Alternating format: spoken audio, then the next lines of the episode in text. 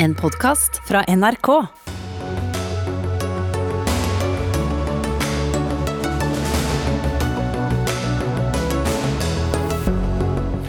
Mens de aller fleste land nå velger å bruke AstraZeneca-vaksinen, velger Norge å gjøre som Danmark og utsette avgjørelsen om videre bruk litt til. Regjeringen kommer med det den kaller de største endringene i videregående skole siden Reform 94, men at fraværsgrensen består, det irriterer elevene. Med regjeringens klimaplan må de små bedriftene betale mer enn de store for å slippe ut CO2. Porselensfabrikk fortviler. Hvordan skal de nå klare konkurransen? Og stadig mer av kommunikasjonen fra det norske statsapparatet flyttes over på lukkede eller kommersielle plattformer, får kritikk av politisk redaktør i Bergens Tidende. Ja, det sier vi riktig god fredag og velkommen til Dagsnytt 18. Jeg heter eh, Espen Aas. Folkehelseinstituttet gjør nå som Danmark og utsetter avgjørelsen om videre bruk av AstraZeneca-vaksinen.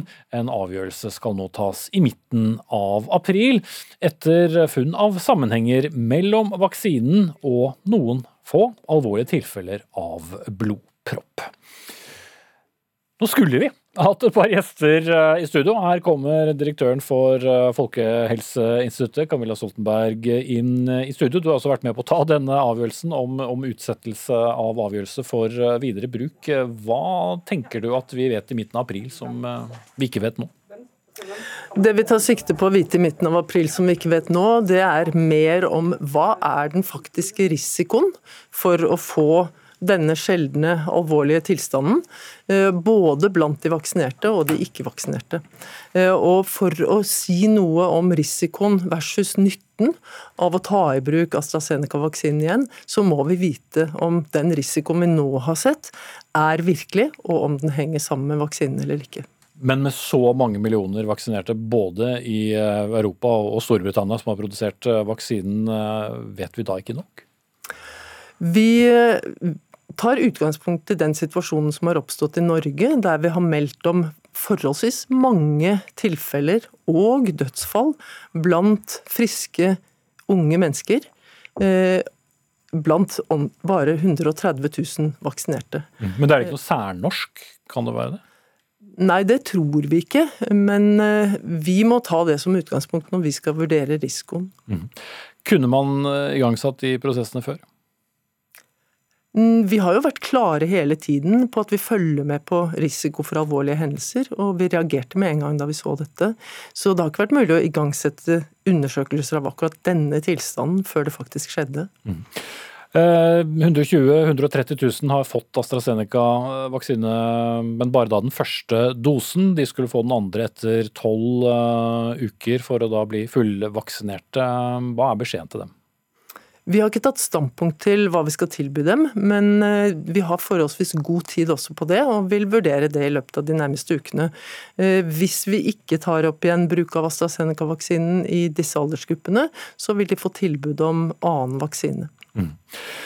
Ingeborg eh, Senneset, journalist i Aftenposten og også utdannet sykepleier. Du er med oss på linje og har uttalt deg kritisk til denne avgjørelsen i dag. Hva er du kritisk til?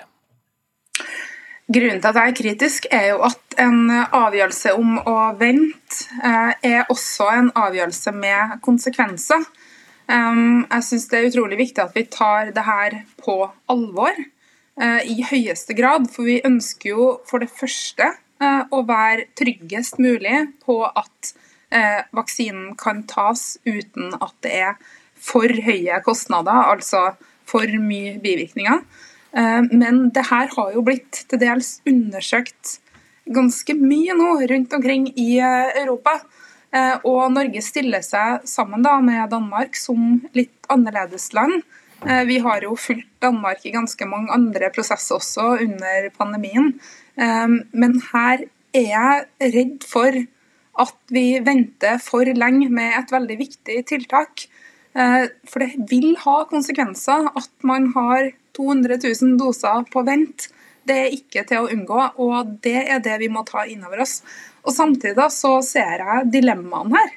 Eh, for det er ingenting nesten som er viktigere når det gjelder vaksinering, enn at det finnes tillit. Og hvis at tilliten til at eh, man gjør en skikkelig jobb, skades ved at folk føler at det går for fort, så risikerer vi jo igjen at folk ikke ønsker å ta vaksinen, så man står i et veldig vanskelig dilemma. Mm. Eh, jeg er ikke sikker på hva som er riktig å gjøre, men jeg heller nok mot at det å ha eh, legemidler som er så viktig, liggende på vent når vi ser at det også har god effekt, det syns jeg er vanskelig å, å, å, si at det er bra. Altså. Mm. Anne Spurkland, immunolog og lege og professor ved Medisinuniversitetet i, i Oslo. Eh, nettopp dette ved å stoppe et vaksineløp, eh, hva slags risiko løper vi ved det?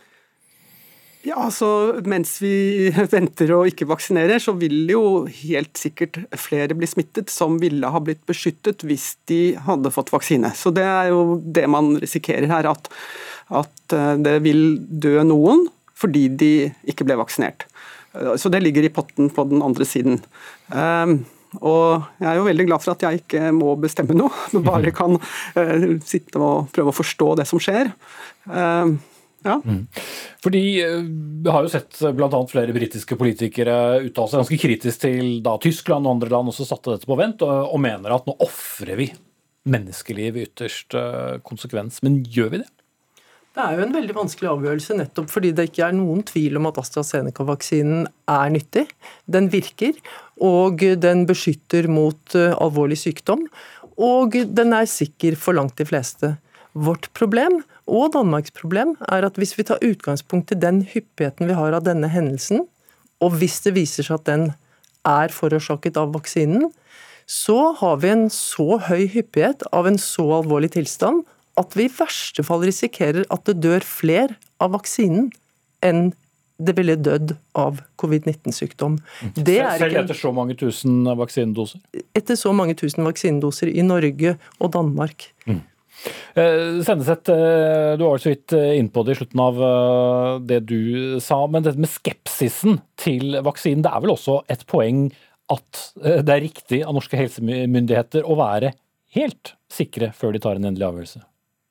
Ja, vi har, eh, vi har, erfaringer fra en tidligere pandemi der folk ble veldig i tvil til hvordan norske helsemyndigheter både kommuniserer og gjør vurderinger. Eh, mange følte under svineinfluensaen at ting gikk for fort.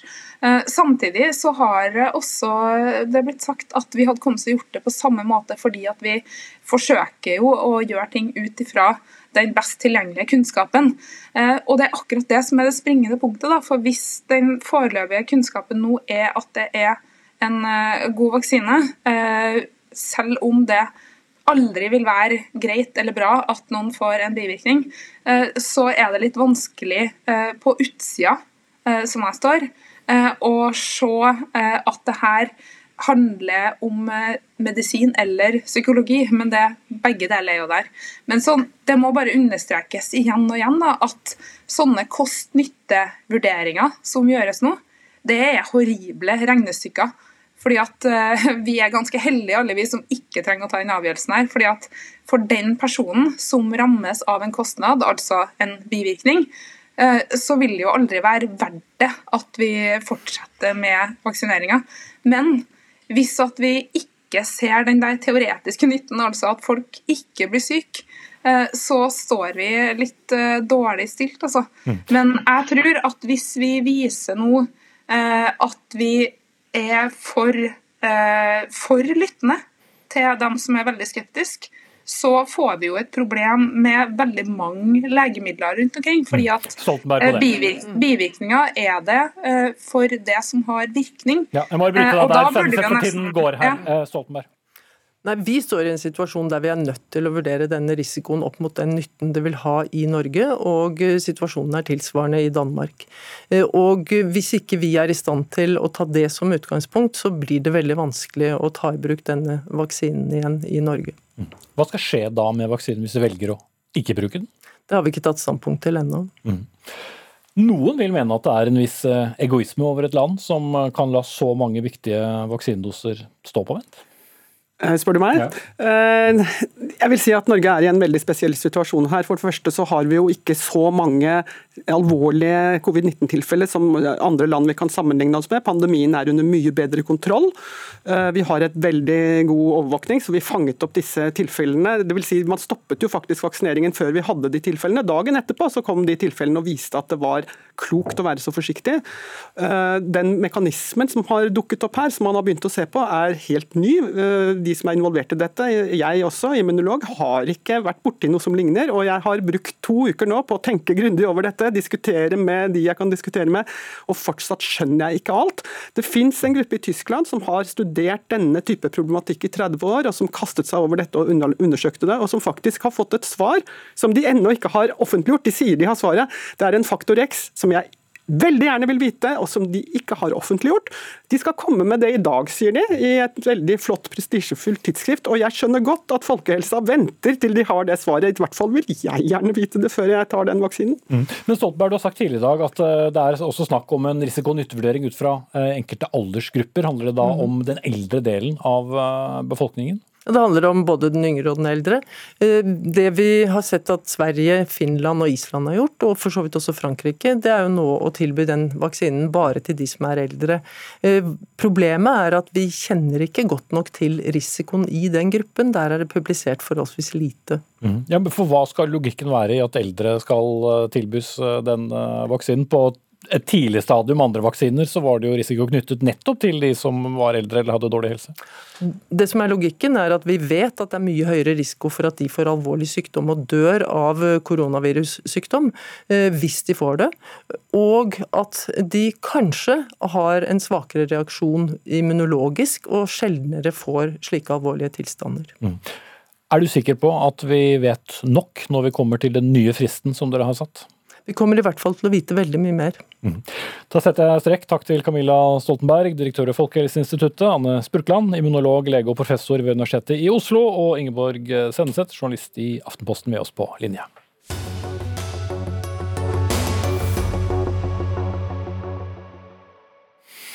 Selv om eh, skolehverdagen ikke har lignet på noe normalt på ganske lang tid, har regjeringen i dag kommet med det den har omtalt som eh, de største endringene i videregående opplæring siden Reform 94, den gang da alle fikk rett til tolv års skolegang.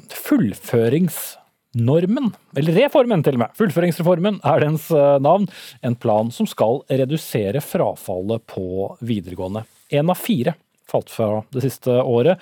Det er mange tusen, det. Guri Melby, kunnskaps- og integreringsminister fra Venstre.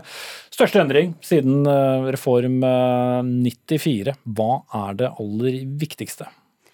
Det viktigste er jo nå at vi fjerner tidsbegrensninga i retten til å gå på videregående. I dag er det sånn at du kan gå i tre år, eh, og hvis du da ikke greier å stå i alle fagene eller få karakter i alle fagene, eller stryke på en eksamen, så har du brukt opp retten din.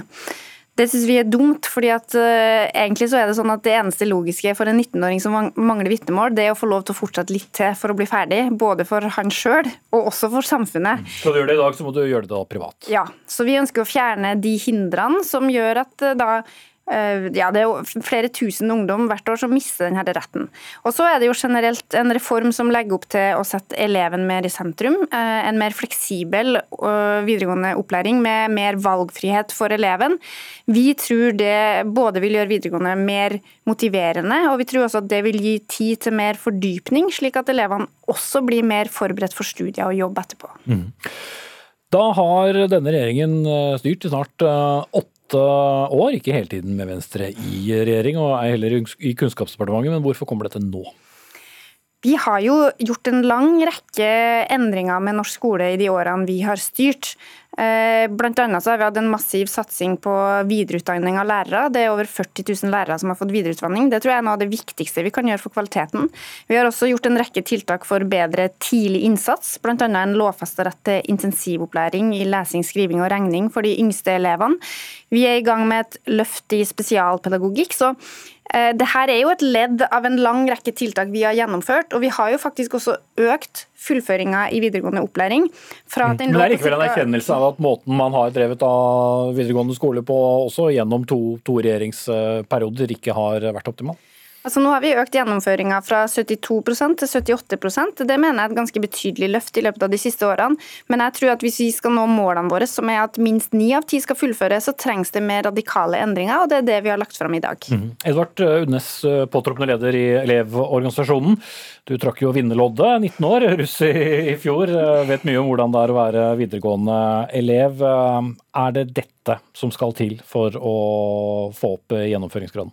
Ja, Dette er et veldig godt politisk prosjekt med å innføre en gjennomføringsrett og gi oss økt eh, valgfrihet.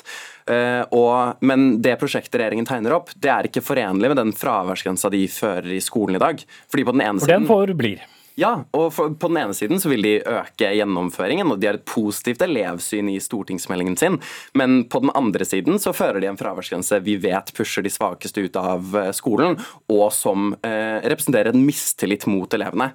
Eh, så fordi Når man møtes med antakelsen om at man ikke har lyst til å dukke opp og ikke lyst til å lære, så kommer det til å påvirke hvordan du har det på skolen. Så her må nesten regjeringen bestemme seg for om de vil ha en økt gjennomføring eller beholde fraværsgrensa. Mm. Hvilke vurderinger var gjort der, eh, Altså, jeg forstår den prinsipielle innvendinga til Elevorganisasjonen, eh, men jeg har en ganske pragmatisk tilnærming til fraværsgrensa.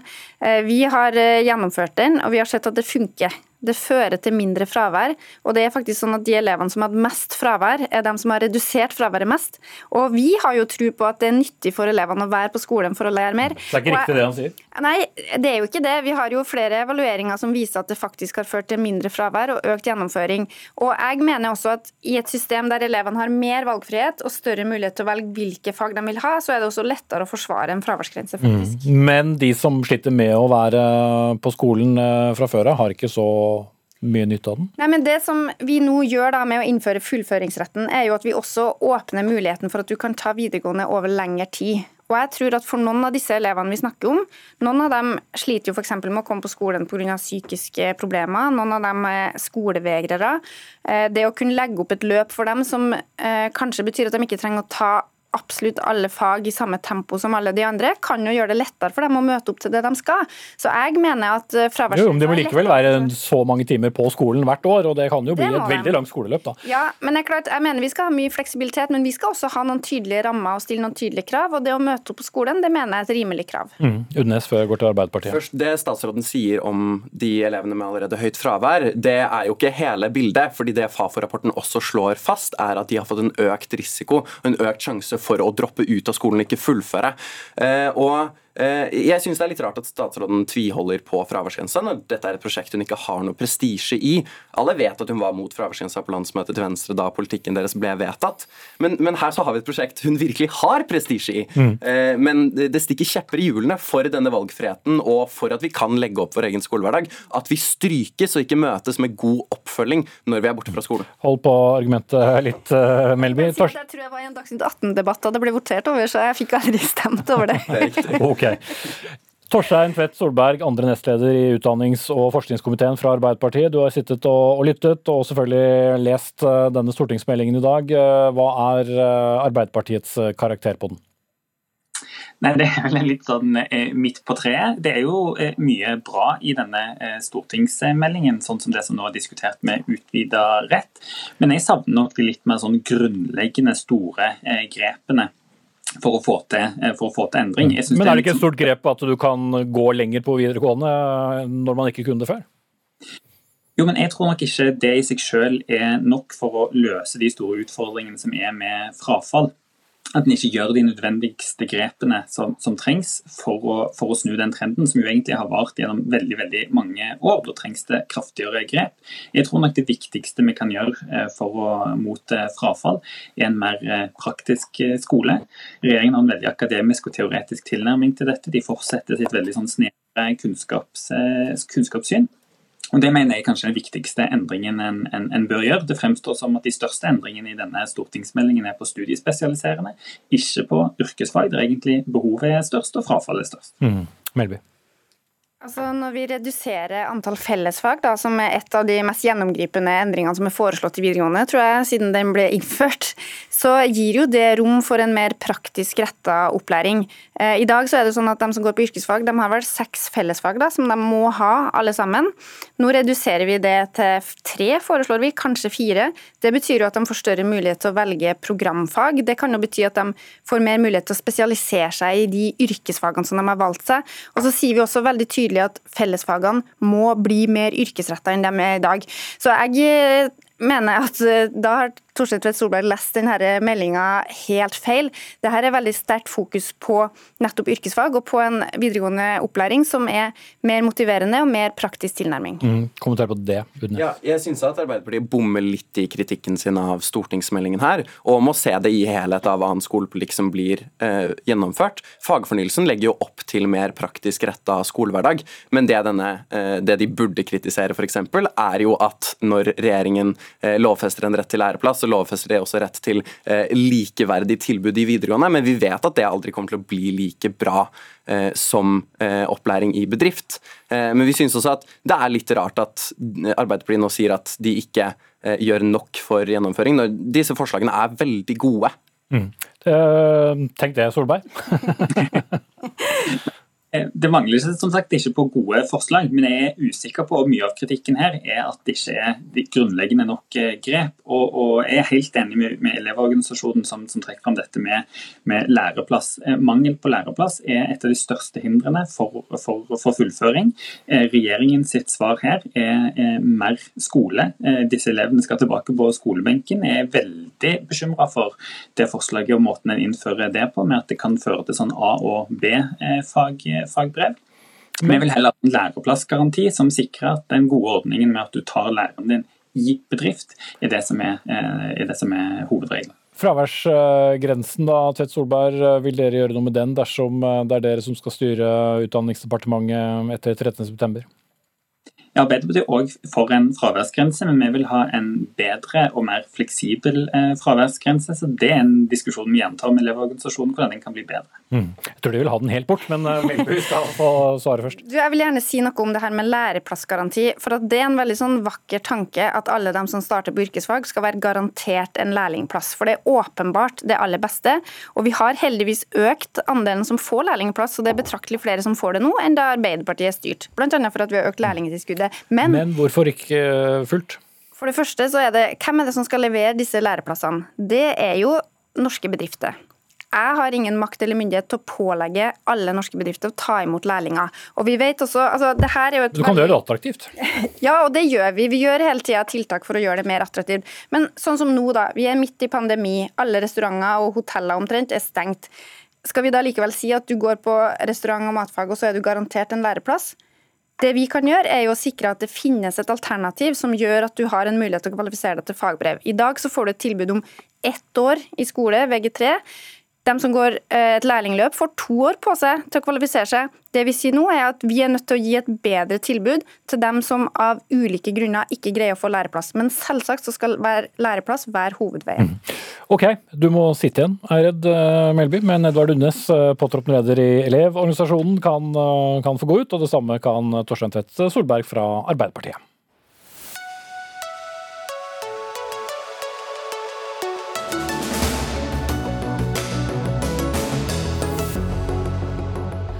For vi skal eh, til den mer prekære situasjonen i eh, skolen. For eh, det kom altså en ny smittevernveileder. Den inneholder mye bør og mye kan, men ikke så mye skal og må. Iallfall hvis vi spør Utdanningsforbundet. En egen smittevernveileder kun for videregående elever kom tidligere denne uka, hvor det bl.a. åpnes for bruk av munnbind egen koronavakt og mindre kontakt mellom elevene. Men Terje Skruvelstad, leder, nestleder til og med i Utdanningsforbundet, du er ikke fornøyd med veilederen. Det er rett og slett eh, for vagt. Hvor streng ville du hatt den? Altså, eh, veilederen, den eh, er jo Disse veilederne, og det er jo flere, det er fire pluss pluss, så de er, de er lagd for å skape trygghet. Trygghet for alle som jobber i skolen, alle som går i skolen, for foreldre, alle som jobber i barnehagen, alles barn, alle foreldre. Og den er forsterka Eh, de er forsterka, gjort bedre, de er reviderte. Det er bra. Men å skape den tryggheten som skal til, bidrar ikke de veilederne nok til ennå. Mm. Vi mener at ja, unnskyld. Poenget som jeg skulle komme til, er jo smittesituasjonen er jo som vi vet eh, uendelig eh, stor. eller Forskjellene er eh, uendelig store rundt omkring i landet. og Da er det jo veldig vanskelig å gjøre det altfor konkret. Eller så må man ha ja, individuelle veiledere, eller fordelt på, på nivå. da. Ja. Altså det, som, det vi, vi tenker, det er at etter at det muterte viruset kom, så kreves det enda større trygghet, enda større sikkerhet knytta til hva som skal gjøres. F.eks. så tenker vi at bruk av ord som bør, bør erstattes med skal. Eh, og Det har, det har stor, veldig stor betydning eh, knytta til hvordan disse, disse rødt nivå, gult nivå blir tolka. F.eks. hvis du kombinerer bør med i hovedsak, så føles det ut som det er frivillig, det som skal gjøres, og ikke, ikke pålagt, som vi mener det burde være. Mm. Ja, Gøy Melby, du sitter altså stadig igjen, og dette har jo vært noe av kritikken mot eh, smittevernveiledere ellers i samfunnet òg, at det er, det er mye, mye kan. Hvorfor er det vanskelig å være strengere i teksten? Så Det er flere grunner til det. For det første så er jo det her en veileder, det er ikke en forskrift eller en lov. Og vi har vel egentlig ikke noe hjemmel heller til å pålegge skolene alt det som står i disse veilederne. Men de skal jo leses som veldig tydelige anbefalinger. På samme måte som når vi også får anbefalt å bruke munnbind i ulike situasjoner, så er det en veldig tydelig anbefaling som de aller, aller fleste velger å følge. Så når det står f.eks. at elevene bør ha faste plasser i klasserommet, så mener jeg jo at det skal leses som at um, Altså, Hovedregelen er at man skal ha faste plasser i klasserommet, så det skal være gode grunner hvis man ikke velger å gjøre det. Som sagt, det er en veileder, og det kan ikke utelukkes at det finnes situasjoner der man vil fravike fra det. Eh, og Det samme gjelder jo altså både på gruppestørrelse og alt mulig. Vi er veldig tydelige i de nye veilederne, mye tydeligere enn de forrige. Både på hvor stor gruppene kan være på rødt nivå, hvor mange barn som kan være samla i en kohort på barnehagen. Og så er det også veldig tydelig skrevet at man kan ikke velge å legge seg på laveste nivå på alle anbefalinger, for da er det ikke nok til å opprettholde verken gult nivå eller rødt nivå. Men jeg tror, altså, det som jeg forstår veldig godt, er at et sånt dokument i seg sjøl bidrar jo ikke til å gjøre skolen trygg. Det kreves jo et mer omfattende arbeid. Vi og FHI og Udir er nødt til å jobbe med informasjon og veiledning. Skoleeier har et betydelig ansvar for å trygge alle ansatte. Og jeg tror Det her handler ikke bare om smittevernråd, heller, det handler også om ressurssituasjonen. Det at Vi må sikre at man faktisk har kapasitet da, til å gjennomføre alle disse tiltakene. Og Det er jo det vi er nødt til å jobbe sammen om nå. For jeg er veldig opptatt av at alle ansatte og alle elever skal være trygge på skolen. Mm. Og Nettopp fordi det er en veileder, Skulestad, så er det jo ingen eh, som hindres i å uh, lage tiltakene på, på, skolen så lik som mulig som det som er på utsiden av skolen. Så hvor er det da butter? Ja, jeg tenker at det butter etter at vi fikk et annet mutert virus. Uh, uh, alvoret for de folka som nå, våre folk som jobber i skole og i barnehage, det er så stort. Og de, er, de jobber seg nesten i stykker for å klare å opprettholde de, de, ulike tingene som de allerede er enige om at de skal klare. Og eh, mange er, er, blitt syke mer enn tidligere. Og det gjør at eh, jeg, jeg, er rett og slett litt bekymra. Eh, og det handler jo eh, også om at vi, vi, har behov av å ha et eh, arbeidsmiljø som er trygt og forsvarlig for våre og det, det, er veldig bra i, den, i disse um, smittevernveilederne, nettopp fordi de understreker at arbeidsgiver har et ansvar for, uh, for arbeidsmiljøet, at det skal være fullt forsvarlig, og i tillegg at man gjør risikovurdering for smitte. Det er veldig bra. Så det, det vil jeg gjerne skryte av. og Vi forventer at arbeidsgiver følger opp dette også. Mm. Men, men, ja, men slik som f.eks. Uh, to meter, altså veldig mange av disse andre reglene som vi har ellers i samfunnet, her i NRK f.eks. er det to meters avstand, kan man ikke også innføre de i skolen? Jeg skjønner at det er noen åpenbare fysiske problemer med det, men vi har sett at det er mye som kan løses. Ja, så Hvis man innfører to meters avstand som hovedregel i skolen, så vil det jo bety en betydelig reduksjon da, i oppmøte og i fysisk tilstedeværelse. Og Det er jo også ganske mange barn og unge som trenger at man er nærere enn som så. Men vi er veldig tydelige på å redusere antall nærkontakter, og at man skal holde énmeteren. Og så har jeg også lyst til å si at det er jo på mange områder vi fraviker fra disse allmenne reglene. Det gjør vi innenfor helsevesenet, vi gjør det i frisørsalongen hvis vi skal klippe oss. Og da tar vi andre tiltak for å redusere smitterisiko. Mm. Men tettheten er en annen på skolen? Det er den, og der, nettopp derfor så er vi veldig tydelige på at for så skal elever ha faste plasser, og de skal sitte med en meter mellom seg, og de skal ha hver maks én og én sammen. så Det betyr jo at det blir ganske få som egentlig er i nærkontakt med hverandre. Så hvis man følger smittevernveilederen til punkt og prikke, så skal det være trygt i både skoler og barnehager. Mm. Til slutt, eh, Mener dere også at eh, det er for mye tilstedeværelse på skolen? Er det en mer ideell løsning å ha flere hjemme og færre inne på skolen en gangen? Altså, det som er aller viktigst å si, det er to ting som bør gjøres for at dette skal gå bedre. Hvis vi ikke klarer å etterleve det strengeste nivået på Rødt, så bør skolen eller barnehagen stenges så fort som mulig. Og for å kombinere elevenes behov og barnas behov for skole og barnehage og lærernes arbeidsmiljø, så er det selvfølgelig viktig å prioritere lærerne i vaksinasjonskøen. Det vil gjøre at vi kan tilby nettopp det barna trenger, og det lærerne og de ansatte trenger. Mm. Men det, det, ville vel aldri Det ville nok uh, ikke dukket opp i en, uh, en, veileder, som var det som vi, vi diskuterte her. Jeg må uh, sette strek der jeg, og, og, sende dere ut. Terje Skuvlestad, nestleder i Utdanningsforbundet, og Guri Melby, kunnskaps- og integreringsminister fra Venstre.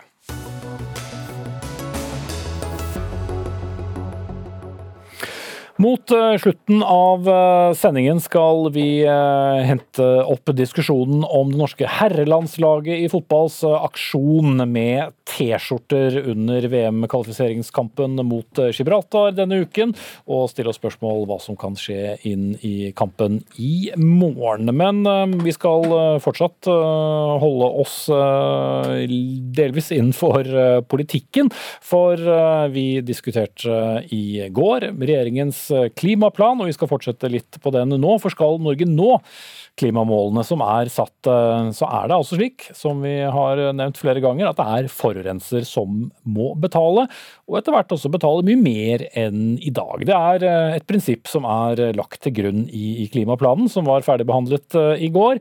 En gradvis, men sterk økning da av bl.a. CO2-avgiften er et viktig ledd, om enn omdiskutert, for å få nok utslippskutt. Men Resultatet kan bli veldig ulikt mellom store og små bedrifter, som vi her i NRK har skrevet om denne uken. Og Gunnar Grini, dette, du er bransjesjef for gjenvinning i norsk industri.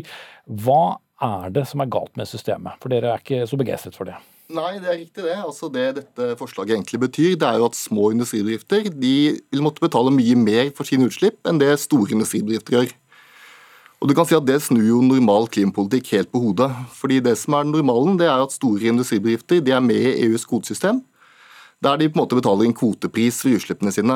Eh, og Den er vel i dag på ca. 400 kroner per tonn, og skal øke til kanskje 800-900 kroner per tonn i 2030. Og I tillegg får jo en del konkurranseutsatte sektorer i kvotesystemet de får en viss andel frikvoter som de ikke betaler for. Mens mindre industribedrifter med lavt energibehov de er på det skjermet fra dette systemet fordi de evner dårligere å betale for klimakostnadene. Og Det vanlige i nabolandene våre det er jo at ikke-kvotepliktig industri de betaler lave eller ingen avgifter. Litt avhengig av hvilken industrisektor de tilhører. Og Det er jo på en måte i det bildet det blir helt uforståelig at de små industridriftene ilegges klimakostnader som nå langt overstiger kvoteprisen, og at man trapper avgiften for disse videre opp til 2000 kroner per tonn. da. Ja, Det er alltid komplisert dette med kvoteplikt og ikke kvotepliktig, men de hører inn under to forskjellige systemer. Og Anne Kristine Rugland, du eh, er administrerende direktør i porselensfabrikken eh, Figgjo og trekkes frem som et eksempel. Hvordan slår det, dette praktisk ut for din bedrift? Ja, jeg vil jo først påpeke at vi mener jo at det fremdeles burde vært fritak for CO2-avgift for eh, vår industri, sånn som det er i resten av EU. Så det er jo noe vi har kjempa for. Men eh, eh, grunnen til at det er spesielt utfordrende for Figgjo, er jo fordi at porselensproduksjon det er en veldig arbeidsintensiv eh, industri. Eh, og vi har allerede en veldig tøff konkurransesituasjon med at vi produserer i Norge og konkurrerer da med eh, produsenter i EU og i Asia. I tillegg så har vi 50% eksport. Eh, det vil si at vi konkurrerer både i hjemmemarkedet vårt og i eksportmarkedet med disse samme produsentene som ikke har avgift. Mm. Og det er klart at Da skjønner jo jeg at eh, den avgiften den ble beslutta i fjor. Eh, men nå når det da foreslås at den skal trappes opp i en så voldsom grad, sånn at vår avgiftsbelastning blir høyere enn det de kvotepliktige har, da er det noe som skurrer for oss som driver industri i Norge, eller iallfall oss på Figgjo. Mm. Ola Elvestuen, stortingsrepresentant fra Venstre, eller for Venstre, alt ettersom. Det er jo deres eh, forslag dette. Hva er logikken her? Nei, Logikken er at vi må redusere våre klimagassutslipp fram mot 2030, og vi må gjøre det i et tempo som vi ikke har hatt Men, men logikken i forskjellen mellom de små og de større bedriftene? Ja, det er at eh, Den ene så har vi et fell for de store bedriftene, så er dette et felles system for hele Europa. Hvor det er kvoter. Om de kommer til 900 eller kommer til 1000, det, det er ikke mulig å si i dag. Nå skal jo hele Europa altså stramme inn sine klimamål, og stramme inn kvotesystemet sitt fram mot 2030. Og Så er det da de som ikke er innafor dette, det vil være de mindre bedriftene og alle oss andre som da også skal kutte sine utslipp. Og Da bruker vi det som er en effektiv måte å få til utslippskutt på, som er å, å betale en CO2-avgift for det. Og Det som er gjort nå med den klimaplanen, er at vi for å gi forutsigbarhet, så har vi jo da sagt at fram mot 2030, det er altså ikke 2000 kroner i, til neste år eller i år, det er altså fram mot 2030, så vil man trappe den opp til 2000 kroner. Sånn at vi også skal få fart på det vi jo ønsker, nemlig at vi skal finne alternative løsninger. Ikke for å betale de 2000, men altså finne eh, fossilfrie løsninger som gjør at vi har mindre utslipp i 2030 enn det vi har nå. Mm. Jo, og Det er det overordnede, men forskjellen altså... mellom de små og store, det som i hvert fall tilsynelatende fremstår som, som, veldig uh, urettferdig, ser du at det oppleves veldig urettferdig f.eks. For, for, for Figgjo? Ja, det oppleves urettferdig, helt klart. Det er to helt ulike systemer. og, og det er klart at Når vi setter opp denne CO2-prisen, så innebærer det også at fra statens side at vi må også forsterke det arbeidet som vi kan gjøre for å hjelpe også bedrifter over i det en ny hverdag, hvor du finner alternativer til de fossile utslippene som de har i dag. Enten det er elektrifisering, det er biogass som kan være et alternativ også på Figgjo. Det er utviklingen av hydrogen, det er utviklingen av de alternativene for å få ned utslippene. Og det er det vi skal. Og jeg tror det lønner seg også for norske bedrifter at vi ligger i front for å få til den endringen. Mm. Hvordan virket den uh, trøsten, Rugland? Ja, altså Det med biogass det er jo klart det er noe som vi ønsker å se på. Men i dag så er jo biogass 40% dyrere enn den naturgassen som vi bruker. Sånn at eh, vi er villige, og vi har eh, kapasitet på biogassanleggene i Rogaland. Og vi kan i grunnen, i teorien, gå over til biogass. Men prisen er jo altfor høy. Så vi foreslår jo at hvis vi faktisk skal få ned klimautslippene i, i vår industri, da, eh, uten å ødelegge konkurranseevnen til vår bedrift, eh, så burde det kommet noen insentiver på banen for at vi skal omstille oss mot biogass. Eh, som går utover det å slippe den CO2-avgiften. Mm. For sånn som det er i dag, så koster det rett og slett for mye. Mm. Men rekken av de som ønsker å slippe å betale CO2-avgift er jo nærmest endeløs. Ingen vil jo betale mer, men noen må gjøre det, Grini? Ja, altså Vi er for så vidt ikke Vi stiller oss ikke mm, avvisende til at man skal betale noe. Det vi er opptatt av er å få en lik økonomisk belastning mellom de store og de små. Mm. Men når det er to forskjellige systemer, så ja, er det også... men det er ikke riktig at det er to forskjellige systemer. sånn sett, fordi Hele logikken er at hvis du er liten, så er du unntatt det europeiske kvotehandelsystemet nettopp fordi du har en dårlig evne til å betale de klimakostnadene. Så Det er jo det som er logikken. Det er en sammenheng mellom hvorfor noen er unntatt. Altså, er, de er unntatt av en grunn, og det er nettopp fordi de har en dårlig evne til å bære de kostnadene. Og så har jeg lyst til å si det at eh, ja, eller... ja, Hvis du tar det, så er det lettere. Men det velger jo det enkelte land. og Jeg vil jo tro at det også innenfor eh, Europa ellers så vil du få flere avgifter også i åra framover. Og det vil komme begrensninger også på, på den industrien som er utafor eh, kvotepliktig sektor. Men er innsalget for systemet at kanskje setter andre land opp også? Det er vel også en dårlig trøst for norske bedrifter? Nei, det tror jeg at vi skal ta med oss. at med de klimamålene. Altså, du har en verden som må kutte utslipp med nesten 50 innen 2050. Du må ta mye av dette innen 2030. Eh, så er det klart at prisen på utslipp kommer til å bli høyere mange steder i verden. Der er ikke vi uh, alene. Men det som jeg skulle ønske, er jo at diskusjonen gikk fra å se på unntak fra CO2-avgiften til å ha diskusjonen hvordan kan vi best støtte opp under de bedriftene for å få til de utslippskuttene som vi alle trenger. Hvordan skal vi få bedre, mer produksjon av biogass? Hvordan skal du få mer etterspørsel av den biogassen? Og hvordan skal de bedriftene som også driver med det, som også er norske bedrifter og næringsutvikling, og gi også et bedre vilkår for de? Ja, nei, og Vi har jo tatt til orde for et litt annet type virkemiddel, som er mye mer styringseffektivt her. Da. Og Vi har jo mener jo at det beste virkemiddelet er en grønn klimaavtale mellom industrien og myndighetene Og I praksis betyr jo det at industrien vi er villige til å forplikte oss til å komme til å um, gjennomføre konkrete utslippsreduksjoner over tid, kombinert med at denne avgiften har trappes opp til den samme økonomiske belastningen som det de kvotepliktige bedriftene betaler i dag. Da. Og jeg kan jo si det at eh, Vi har egentlig ikke hørt om noen andre land hvor industrien går så langt i å ønske å forplikte seg til utslippskutt. Så vi er klare til å levere, men det må gjøres på riktig måte. og det er klart at Hvis alt overskuddet i bedriftene skal gå med på til å betale en avgift, så blir det jo ikke noe penger igjen å investere for. Mm. Men det er vel ikke gitt at det går så langt? Hva sier du? Det er vel ikke gitt at det går så langt? Eh, som hva da? At de må bruke hele overskuddet på å betale Hele overskuddet vil de sikkert ikke bruke, men vi er faktisk reelt bekymret for at hvis den avgiften trappes opp, at noen virksomheter vil gå over ende. Altså. Det, er, det, det er så alvorlig. Men vi har også et veldig godt støttesystem i Norge, helt fra Forskningsrådet, det som ligger i Innovasjon Norge, den miljøteknologiordningen som er Enova, som har trappet betydelig opp, og må fortsette å trappes opp i årene framover for å få til den endringen som vi skal få til. Og du skal få til endring også ikke bare for de bedriftene som skal legge om, men de også skal, som skal uh, jobbe med å få frem alternativene for dem, som f.eks. biogass. Men fortsatt er det en utgift. Her, si, her er det jo ikke biogass tilgjengelig, så hva skal de legge om til? Altså, de, de får ikke lagt om til noe som helst, det er jo ikke biogass. Så, ja. så, det blir jo helt men, absurd. Men det, altså, det blir bare at de vil betale en avgift inn til statskassa og får ikke lagt opp noe jo, som helst. Jo, men dette er, vi, vi, skal, skal, vi skal få til denne endringen gjennom de neste ti årene. Og det, akkurat, og det skjer mye. Ti år går fort, men det skjer også mye på ti år. Det er akkurat som I 2010 så jubla vi for vi solgte 630 elbiler i Norge. Nå er det mer enn 50% av salget. Og det er klart Med den trøkket og den viljen som er nødt til å legge inn i omstillingen de neste ti årene, så må det skje mye det må gjøres innenfor transport, mm. men det må de også gjøre inn mot de små. Du skal sikkert eh, peke på noen hull i den sammenligningen, eh, Grini, men jeg, eh, jeg setter strek der. Gunnar Grini, bransjesjef i Norsk Industri. Ola Elvestuen, stortingsrepresentant for Venstre. Og med oss på linje, Anne Kristin Rugland, administrerende direktør i Figgjo Porselen.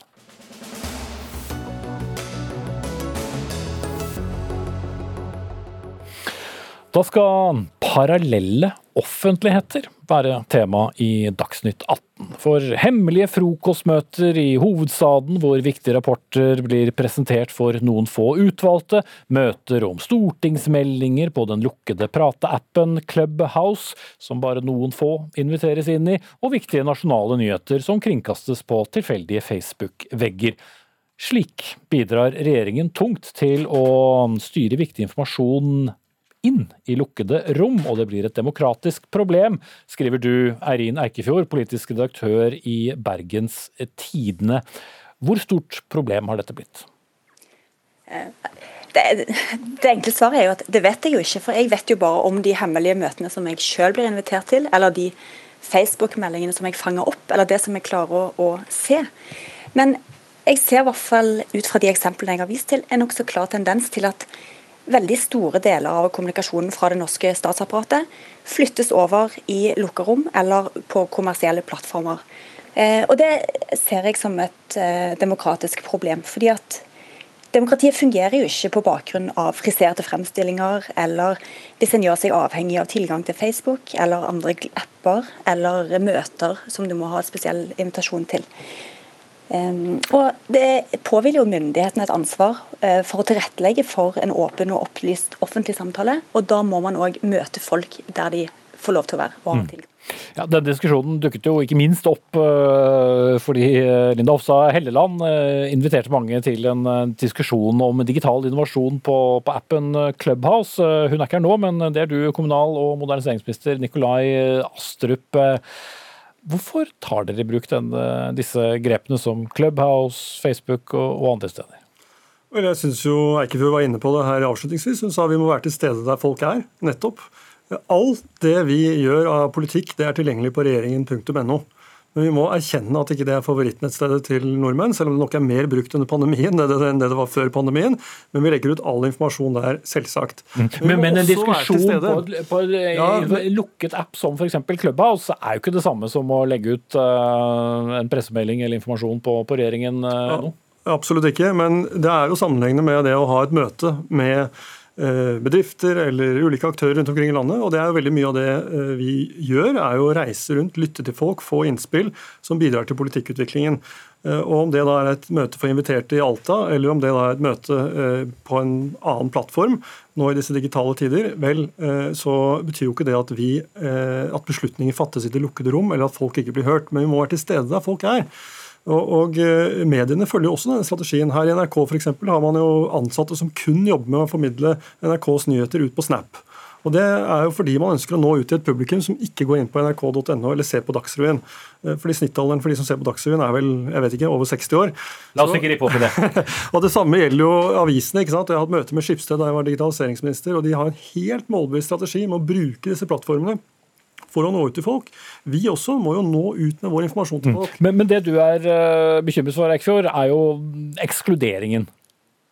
Ja, absolutt. Og, og, jeg er jo enig i det at brukt riktig, så vil jo det, det å bruke plattformer der folk befinner seg, om det nå er Snap eller Facebook eller det jo, kan jo òg være en styrking av demokratiet, nettopp fordi at du har en myk eh, kommunikasjonsplattform som liksom treffer på folk i øyehøyde og, og sånt. Men eh, jeg er bekymra for, for, den lukka delen av saken. Og jeg har jo et eksempel der Eh, vi som, som eh, nyhetsformidler eh, blir jo gjerne kontakta av kommunikasjonsfolk i regjeringsapparatet. Det kom en viktig rapport. Dere er spesielt invitert til å få den på forhånd. Men da må dere komme til Oslo. Ja, se, men eh, nå er jo landet stengt og det er ikke lov å reise pga. pest. Eh, kan vi ta det på internett eller, eller en digital kanal? Nei, det går nok ikke an. Du må nok være til stede i hovedstaden. Og Det er jo òg en sånn Oslo-sentrisk måte å drive formidling på, som jeg tenker er en del av dette problemet. Er det det, Astrup? Altså, nå, det jo, nå, høres det ut som problemet her er at uh, hun må reise til Oslo, og ikke at, eksempel, og ikke at uh, man uh, deler informasjon før andre får den.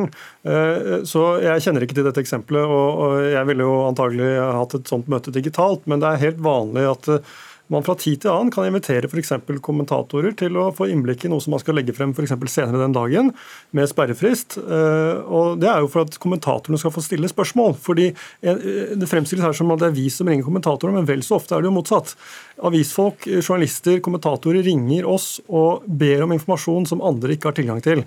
Eh, og Istedenfor å da gi dem den informasjonen, så er det kanskje ryddere og enklere å da ha et lite møte. Folk får stille de spørsmålene de vil. Det er åpent blant de som er der. Og dette er jo kommentatorer i Norges eh, største medier, så, så det er jo ikke akkurat hemmelig.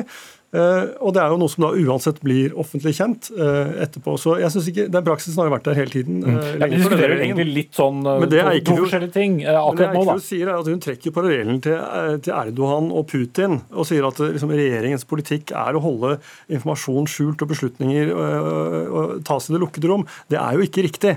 Vi er et av de mest åpne land i verden. Vi har e-innsyn som er fantastisk brukt. Altså Det er hundretusenvis av forespørsler hver måned om journaloppføringer. Eh, og vi gir dette ut. Ja, det finnes selvfølgelig etater som av og til ligger litt bakpå med journalføringen. Det, ok, det er, eh, Regjeringen er fornøyd med egen uh, informasjonsstrategi? Det kan alltid bli bedre. Ja, Eikfjord. For det første, Jeg påstår jo ikke at regjeringen her har en slu plan med å forlede og holde, holde, sin egen befolkning bak lyset, og heller ikke sammenligne vår regjering med regimer en helst ikke vil bli sammenlignet med. Men eh, det er jo det, jo, det som også er problemet, er jo at dette kanskje òg skjer ubevisst, eller uten at man tenker seg om. Og dermed etablerer en skjevhet som ikke er tilsikta og heller ikke lovlig. Og jeg tenker det at Informasjon er valuta, det er makt. og det er ikke lov å skjevfordele og forskjellsbehandle. så Man skal ikke ha enerett på tilgang. Og det er ganske vesentlig. Det, det, er jeg helt enig i, selvfølgelig. Og det er ingen som skal måtte ha tilgang til eh, kommersielle plattformer, eh, om det er Facebook eller om det er BT, for å få tilgang til regjeringens politikk. Selvsagt skal det ikke være sånn. Jeg er jo faktisk eh, blant de som eh, har jeg, jeg, avsluttet jo mitt forhold til Facebook for veldig mange år siden, eh, nettopp av, de, av, mange av de grunnene som trekkes opp. Eh, det er problematiske sider ved sosiale medier, men vi er nødt til å være til stede der folk er også, for å nå ut. Og jeg synes Et interessant eksempel er, er Vest politidistrikt, som da bruker TikTok TikTok for å nå ut til unge eh, mennesker. Og En av de videoene som de har laget, er nådd ut til 9,8 millioner, 9,8 millioner avspillinger. Det er klart at Dette er et verktøy som vi også i offentlig sektor må ta i bruk. Men det skal ikke være slik at eh, du må ha tilgang til uh, ulike typer plattformer for å få informasjon om regjeringspolitikk. Selvsagt skal det ikke være sånn. Og heller ikke for å kunne gi innspill til vår politikk. Mm. Vi tok i hvert fall en åpen diskusjon på Dagsnytt 18 som alle har, har, tilgang til, uten å måtte få med seg hva folk har spist middag i, i samme sleng. Takk til Eirin Eikefjord, politisk redaktør i Bergens Tidende, og Nikolai Astrup, kommunal- og moderniseringsminister fra Høyre.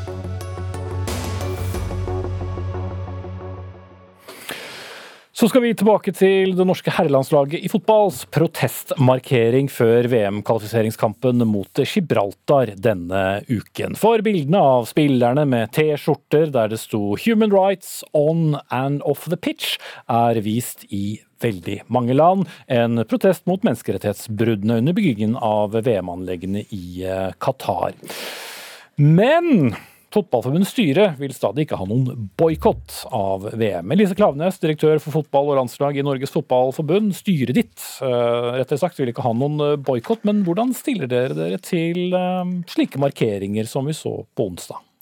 Ja, dette var jo en markering som selvfølgelig var forankret i, i Norges Fotballforbund, så vi stiller oss 100% bak. og veldig stolt av eh, måten det blir gjort på. Det krever mot. Det var initiert og drevet fram av Ståle og spillergruppen. og Det krever mot. Det er lett å stå på utsiden og tenke at det kanskje ikke gjør det. Men som spiller sjøl, tidligere spiller riktignok, så krever det mot å ta stilling. Du vil få veldig mange andre spørsmål. Hvorfor ikke der, og hvorfor ikke da? Det er mye lettere å ikke ta stilling. Eh, så jeg følte på en enorm eh, stolthet ved det de gjorde. Satte søkelys på, på dette mesterskapet og alt som er galt med det. Og ikke har dere fått kjeft fra Fifa heller? Nei, jeg tror nok de følte seg eh, litt sjakkmatt. Vi, vi, dette er jo en etterlengtet eh, debatt. Som du sier, styret vårt er mot eh, boikott. Men før jeg begynte i Norges Fotballforbund, så hadde jeg en lang prat med styret om at jeg hadde store problemer med mesterskapet og ikke kunne dra dit. Men ville gjøre alt jeg kunne for at laget skulle klare å kvalifisere seg. Og det ble jo tatt imot uh, som ikke et problem, uh, og en styrke. Terje Svendsen sa til meg den gang at det, det, er en styrke for vår organisasjon at vi har ulikt syn på dette. Så nå må idrettsdemokratiet beslutte i denne saken her, men uansett utfall så er det varige endringer vi er opptatt av. Eh, det er ikke viktig at jeg vasker hendene mine eller at du vasker hendene dine. Det er heller ikke, Denne trusselen om boikott eh, vil uansett redde liv. Så vi har ikke noen annen grunn her eh, enn å takke supporterne og klubbene for å ha satt fyr på en debatt som trengte gnist. Mm.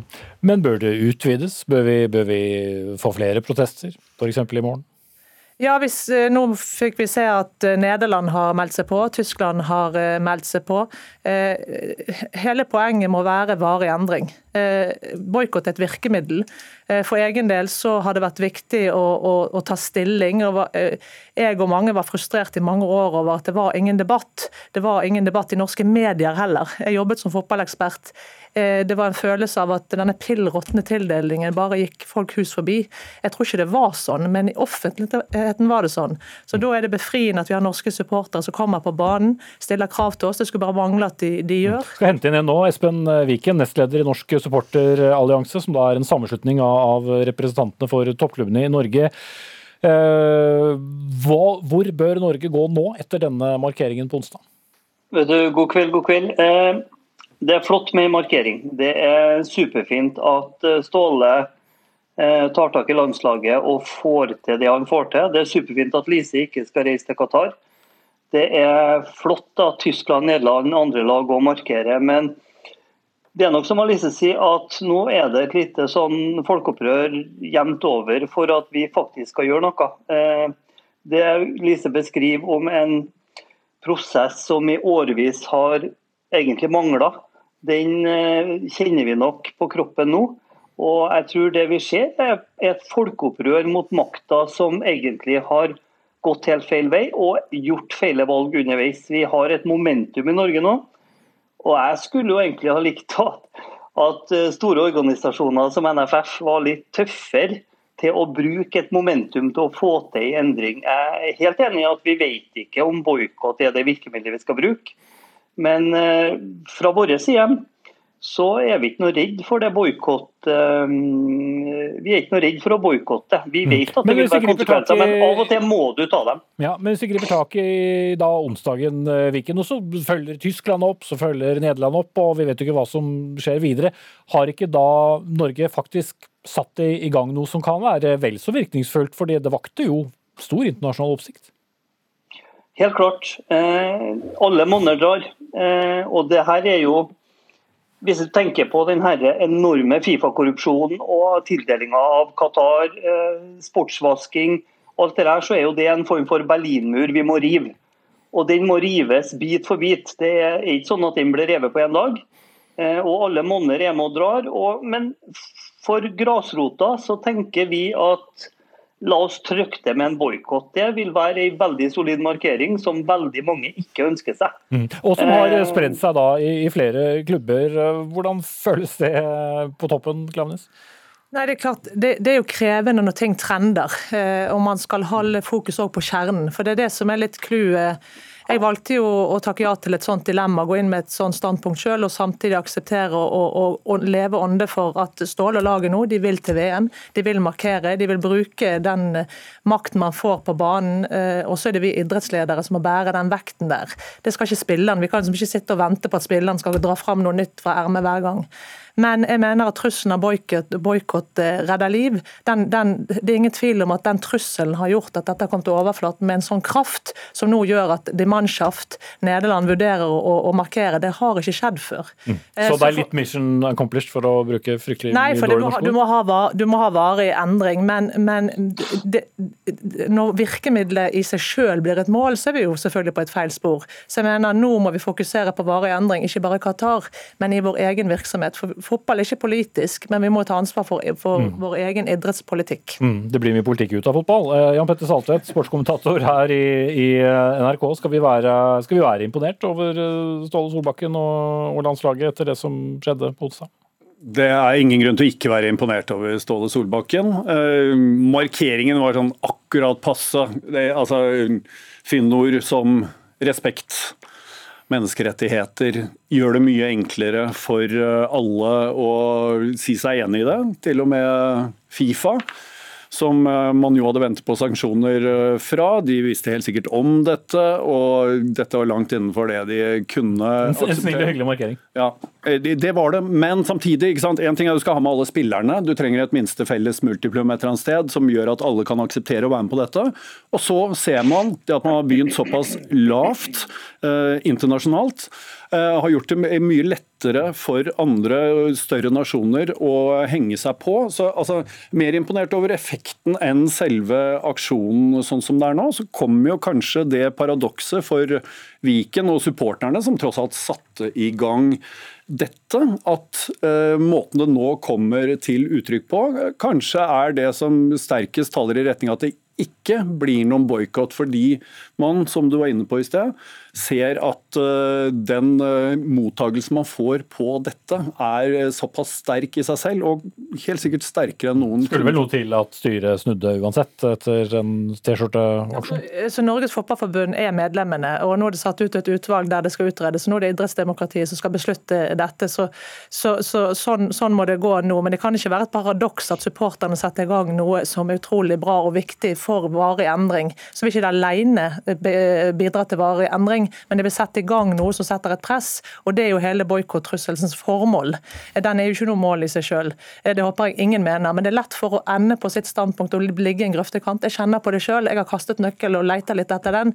Men jeg er mektig imponert over måten supporterne og Solbakken og hans gjeng har, har på en måte tørt å lene seg inn i et vepsebol. For det er det det er. Det er vanskelig å komme seg ut av det nettet igjen, og for spillere er det lett å la være. Men har de gjort sitt, eller skal, bør det komme mer?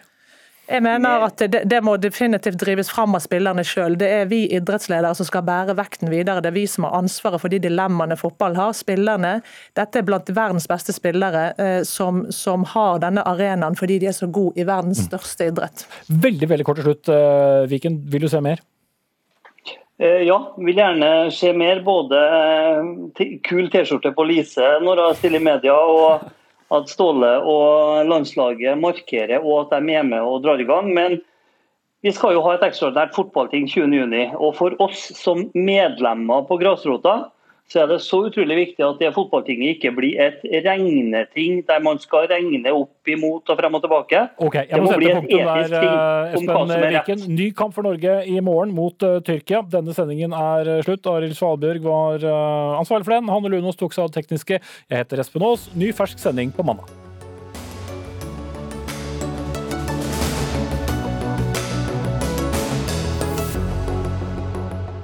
Du har hørt en podkast fra NRK. Hør flere podkaster og din NRK-kanal i appen NRK Radio.